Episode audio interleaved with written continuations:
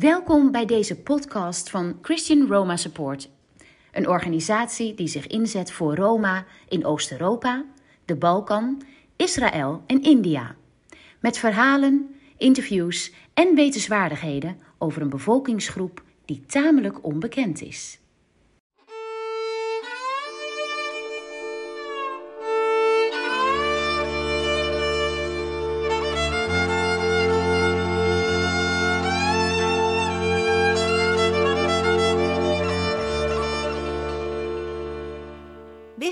Dat de gemiddelde levensverwachting van de Roma ruim 10 jaar onder die van hun mede-Europeanen ligt? Slechte behuizing en ondervoeding zijn daarvan belangrijke oorzaken. Projectpartners van Christian Roma Support geven veel aandacht aan hulp en vooral aan structurele verbeteringen ook op dit gebied. In deze podcast praat ik met Kees en Tilly Nieuwstraten over aangrijpende ontmoetingen tijdens hun filmreizen. Met aansluitend een prachtig gedicht van Tilly. Vandaag gaan we weer in gesprek met Kees en Tilly Nieuwstraten. Hoi. Hallo. Hoi. Hoi. Jullie hebben een vorige keer verteld van je eerste reizen, jullie eerste impressie van Oost-Europa en de situatie van de Roma. Vandaag hebben we in de podcast ook gehoord over uh, ondervoeding, wat veel onder de Roma voorkomt, met name uh, onder de kinderen. Uh, hebben jullie dat ook gezien? Ben je dat tegengekomen? Ja, mijn gedachten gaan dan gelijk uit naar uh, de, de ondervoede kindertjes in het ziekenhuis. Uh, de eerste jaren dat we daar komen, dan hebben we het over twintig uh, jaar geleden. waren er heel veel kinderen die echt zo slecht erbij lagen in het ziekenhuis. ja, kleine lijfjes, grote gezichten, hele grote ogen. En dan hoorde je vaak dat ze veel ouder waren dan dat ik dacht dat ze waren.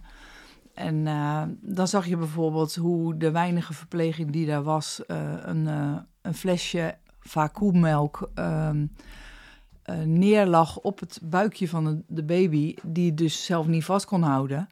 En dan vervolgens een paar slokken nam en dan viel dat flesje naar links of rechts en vervolgens liep dat flesje leeg. En er was niemand die dat kind uit bed nam, op schoot nam om het verder te voeden.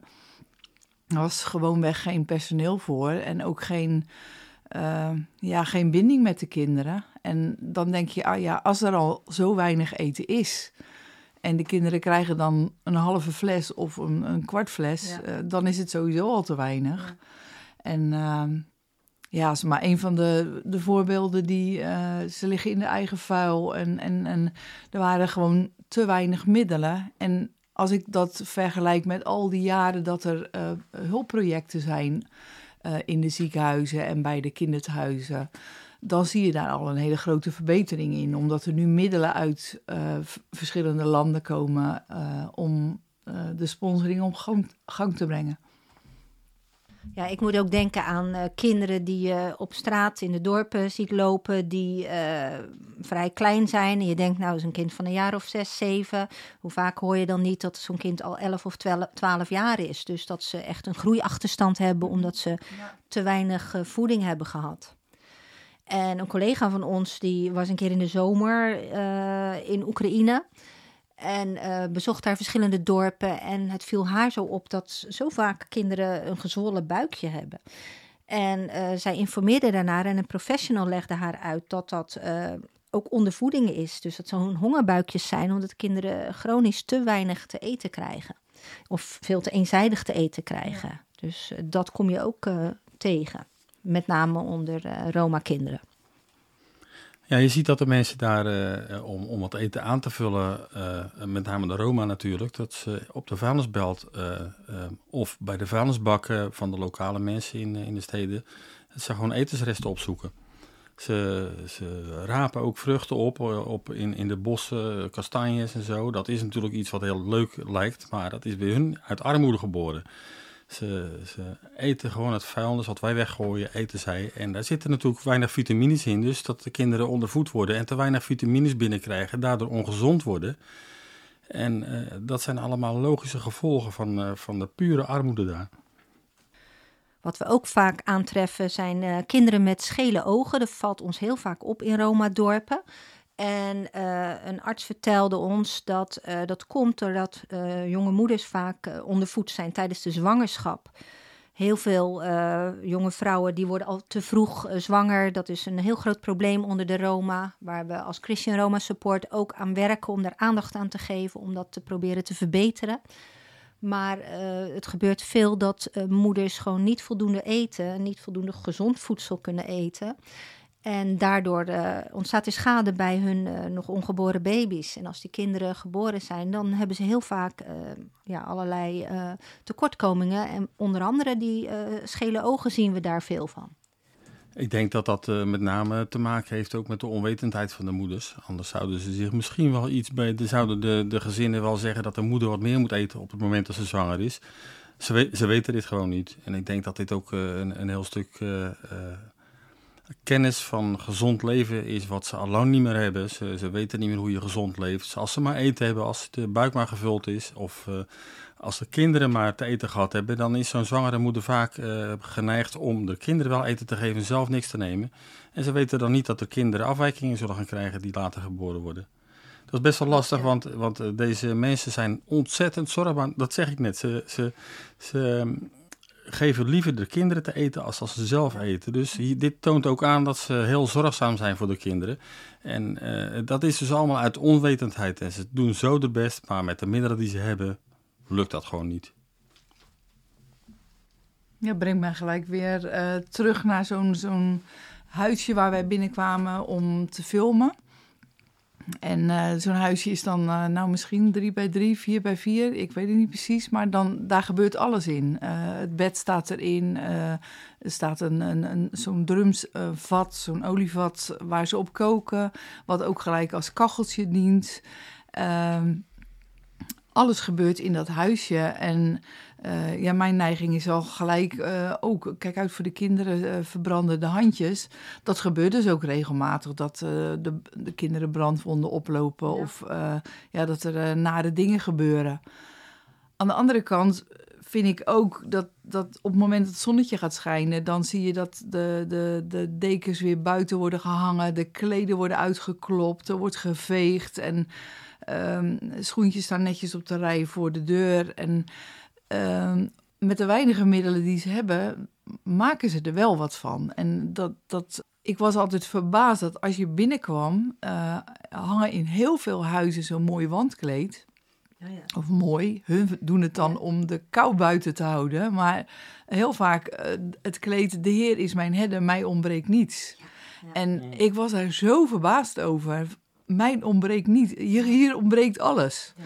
En dan hangt zo'n kleed en dan zijn ze heel erg trots op en, en uh, uh, zuinig op. Ja.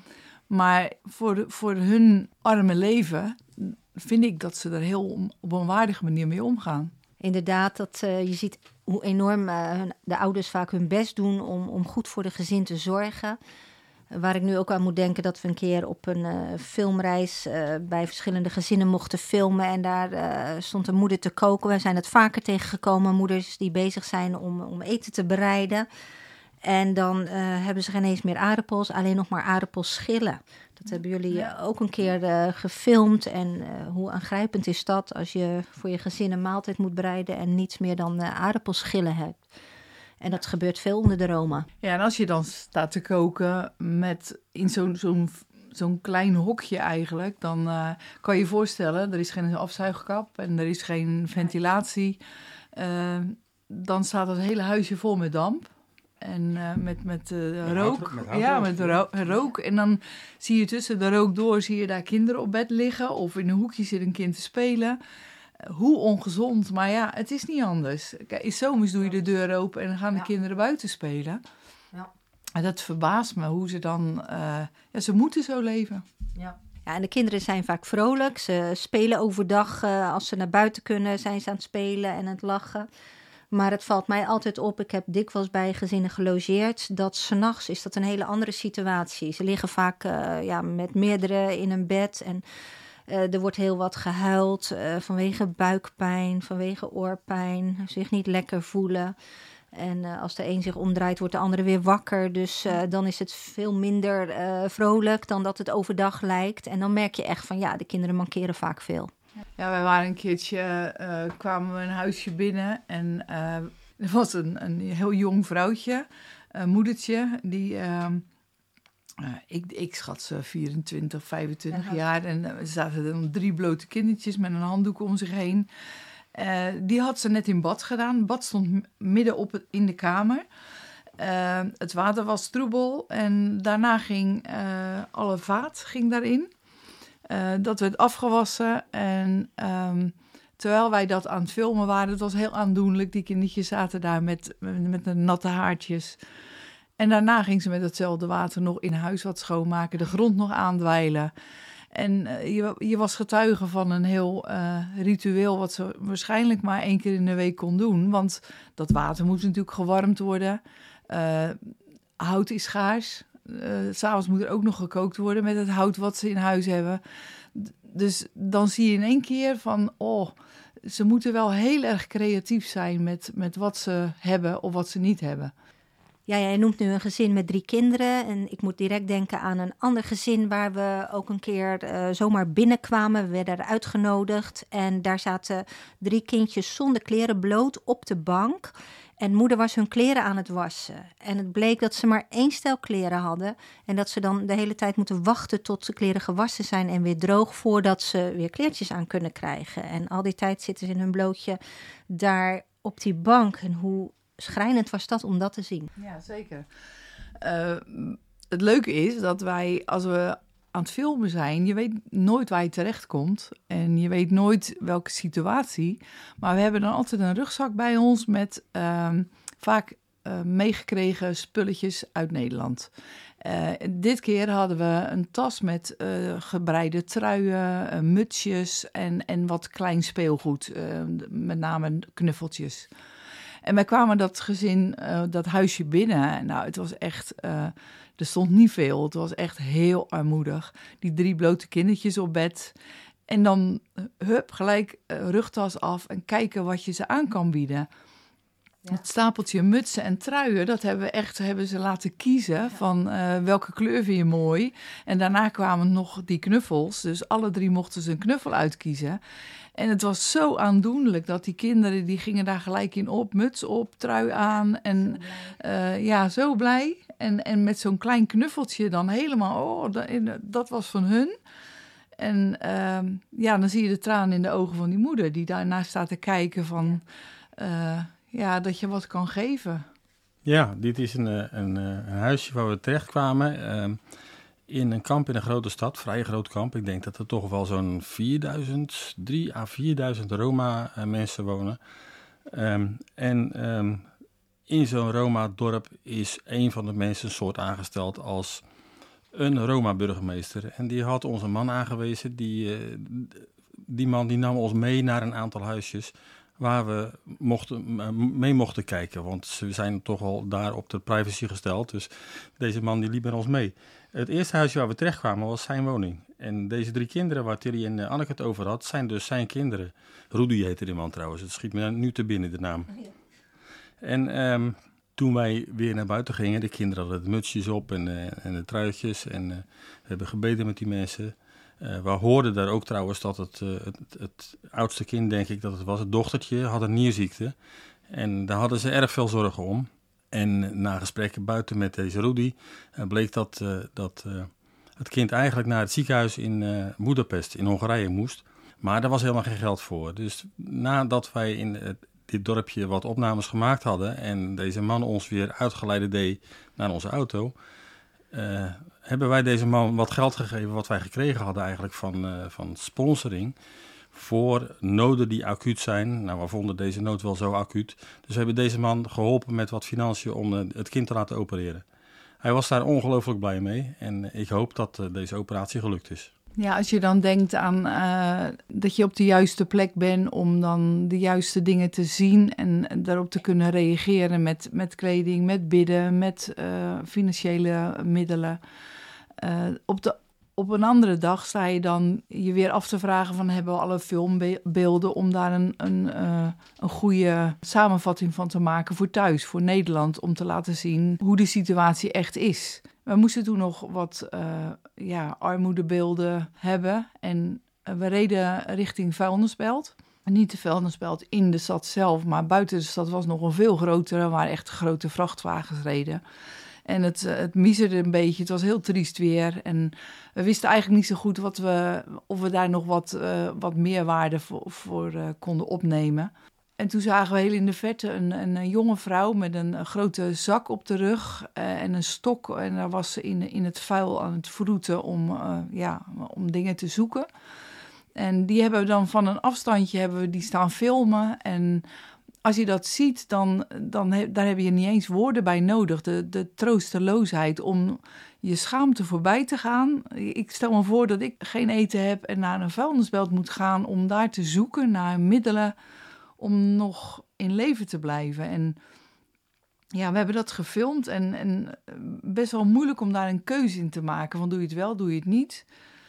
Maar we hebben ook mensen gesproken die, uh, die daar wel uitleg aan geven. Ja, zoals een mevrouw die in zo'n grote vuil container was aan het zoeken. Daar hebben we mee gesproken. En die vertelde dat ze ja, echt moest zoeken naar kleren voor haar kinderen en schoolspullen voor haar kinderen. Waar ze onmogelijk uh, geld voor had, uh, dat niet kon betalen. Maar echt hoopte dat ze iets uh, kon vinden. En gewoon elke dag maar weer door die vuilcontainers heen ging om iets te zoeken. En ja, dat is toch wel heel aangrijpend om om te horen en te zien. Ja, er wordt vaak gezegd uh, dat, dat uh, zigeuners, Roma's niet werken of niet niks doen om, om, om, om aan eten te komen. Maar vaak blijft er heel weinig over voor ze. En ik moet denken aan een, een filmreis die we maakten. En wij zaten in, al heel vroeg in de ochtend onderweg in de auto naar een bepaald dorp. En uh, dat was zo'n hele lange weg met allemaal bomen. En in één keer stonden daar heel veel mensen aan de kant van de weg. En uh, nou ja, het was ook geen weg waar een bushalte stond of zo. Dus ik, ik vroeg aan, eh, volgens mij aan jou, Anneke, van waar moet ik nu aan denken? Waar staan die mensen op te wachten? En toen zei hij van, nou, dat zijn dagloners. En die hopen dat er een werkgever langskomt om ze op te pikken, zodat ze die dag werk hebben. En dus dat is dat is echt elke dag weer afwachten van... kan ik met een, een baas mee om vandaag te mogen werken? En dat bracht me gelijk weer bij, zo'n, bij dat bijbelverhaal van de dagloners... van de ene wordt om zeven uur opgehaald en de andere om elf uur. Ja. Uh, en ze krijgen dan allemaal van die baas uh, hetzelfde salaris... Maar zo, zo, moet je je het voorstellen. Elke dag opnieuw is het een uitdaging voor hun. Waar haal ik mijn eten? Waar kan ik misschien werken? Uh, kan ik vanavond een maaltijd klaarmaken voor mijn kinderen? Ja, zo heb ik ook wel uh, bij gezinnen gelogeerd die vertelden van dat ze naar de vuilnisbelt gingen om uh, ijzer te zoeken. Dat gebeurt mm. veel onder arme Roma gezinnen. En ik vergeet nooit een moedertje van een aantal kinderen, een hele tengere vrouw. En die ging s'morgens vroeg al weg en met een, een, hamer liet ze mij zien. En dan ging ze de hele dag, ze moest minstens zeven uur uh, werken om ijzer los te rikken van uh, alles wat ze maar kon vinden op de vuilnisbelt. En per keer, per dag hoopte ze anderhalf kilo ijzer bij elkaar te schrapen. Dat kon ze dan inleveren, kreeg ze een kleine vergoeding voor en dan kon ze één brood verkopen. Dus zo hard moeten mensen werken voor een heel klein beetje eten. Ja. Ja, toen Til dat vertelde over uh, de dagloners en over zo'n Bijbelverhaal, dat hebben we regelmatig gehoord dat je situaties tegenkomt dat je, dat je in één keer aan een Bijbelverhaal moet denken en aan de principes van de Bijbel. Uh, we waren ooit, we zijn in veel dorpen geweest, dus we kunnen dat wel blijven zeggen. we waren ooit in een, uh, in een klein dorpje en daar kan ik me herinneren dat ze allemaal aardappels hadden. En toen vroegen we, hoe, hoe komen jullie nu aan die aardappelen? Alles wat hier is, is aardappel. Toen vertelde ze ook dat uh, de, de naburige uh, um, landeigenaar die had heel veel aardappelvelden. En zij hadden als buren van deze man hadden ze het recht gekregen, of de toestemming gekregen, laat ik het zo zeggen. De toestemming gekregen om de eerste meter van het veld, helemaal rondom, om daar de aardappels van te rooien. En die mochten ze zelf gebruiken om uh, te eten voor hun gezinnen. Uh, dit ja. geeft ook weer aan, dit lijkt, dit lijkt een beetje op het verhaal in de Bijbel van, van Rut en Boas, waarbij uh, ook uh, de, de, volgens mij ook de eerste, of de nalezing van de Aren was dat geloof ik, dat, dat Boas die gaf aan, aan degene die ze hard nodig hadden. Een mooi principe vind ik, om te omzien, om te zien naar je buren, naar de mensen om je heen.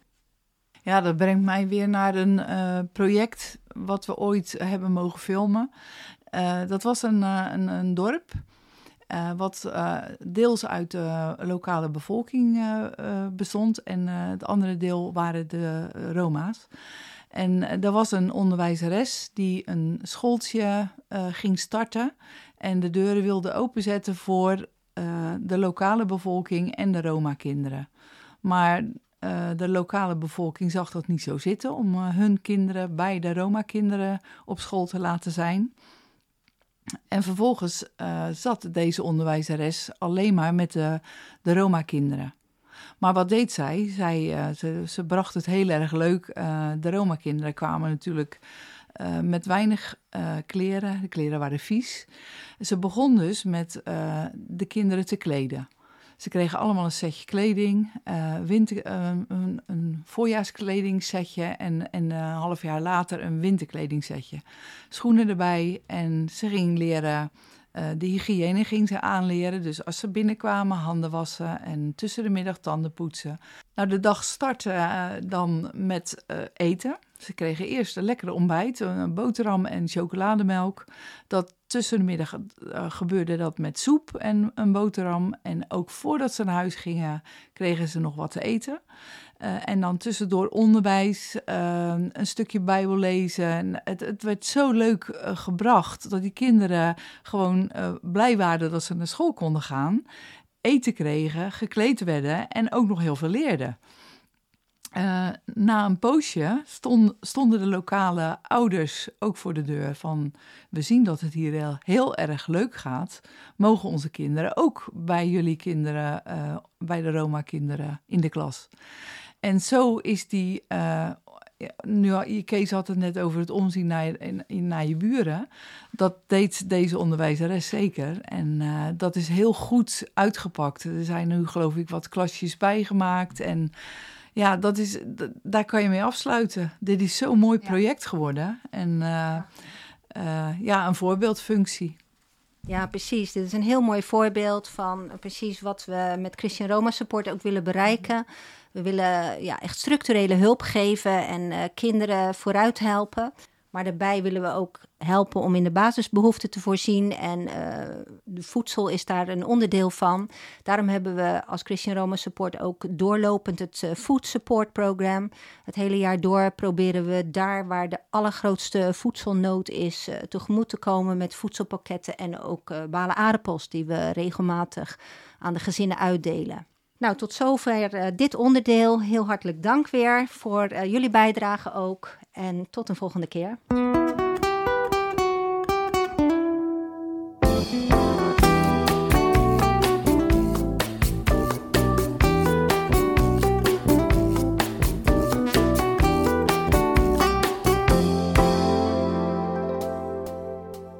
Dan willen we hierna nog luisteren naar een gedicht dat Tilly heeft geschreven jouw leven. In een hut ben je geboren, van amper vier bij vier. Je vader is gestorven, geen werk, geen eten hier. Zigeuner is jouw roepnaam en wordt geheel ontkend. Elf broers en zussen samen, weet iemand wie je bent? Vier van de elf kinderen, meervoudig gehandicapt. Zo moet jij overleven. Het is alles wat je hebt. Je moeder is vol wanhoop. Haar kinderen zijn ziek. Hoe moet zij het gaan redden als niemand haar hier ziet? En als de winter komt, de gaten in de muren, is mijn gebed tot God: Heer, wilt u mensen sturen om hen, gebroken en kapot, in liefde te gaan helen en bewogen om hun lot samen het brood te delen? Fijn dat je geluisterd hebt naar onze podcast. Dank je wel. Als je meer wil beluisteren, kun je je abonneren via Spotify. Zou je een review willen achterlaten, zodat meer mensen van ons gaan horen? Of misschien kun je de link van deze podcast naar iemand doorsturen. Verdere info kun je vinden op onze website www.christianromasupport.nl. Deze podcast is gemaakt door Anneke Stijnman en Kees en Tilly Nieuwstraten met medewerking van Mirjam Bouwman. Graag tot de volgende keer.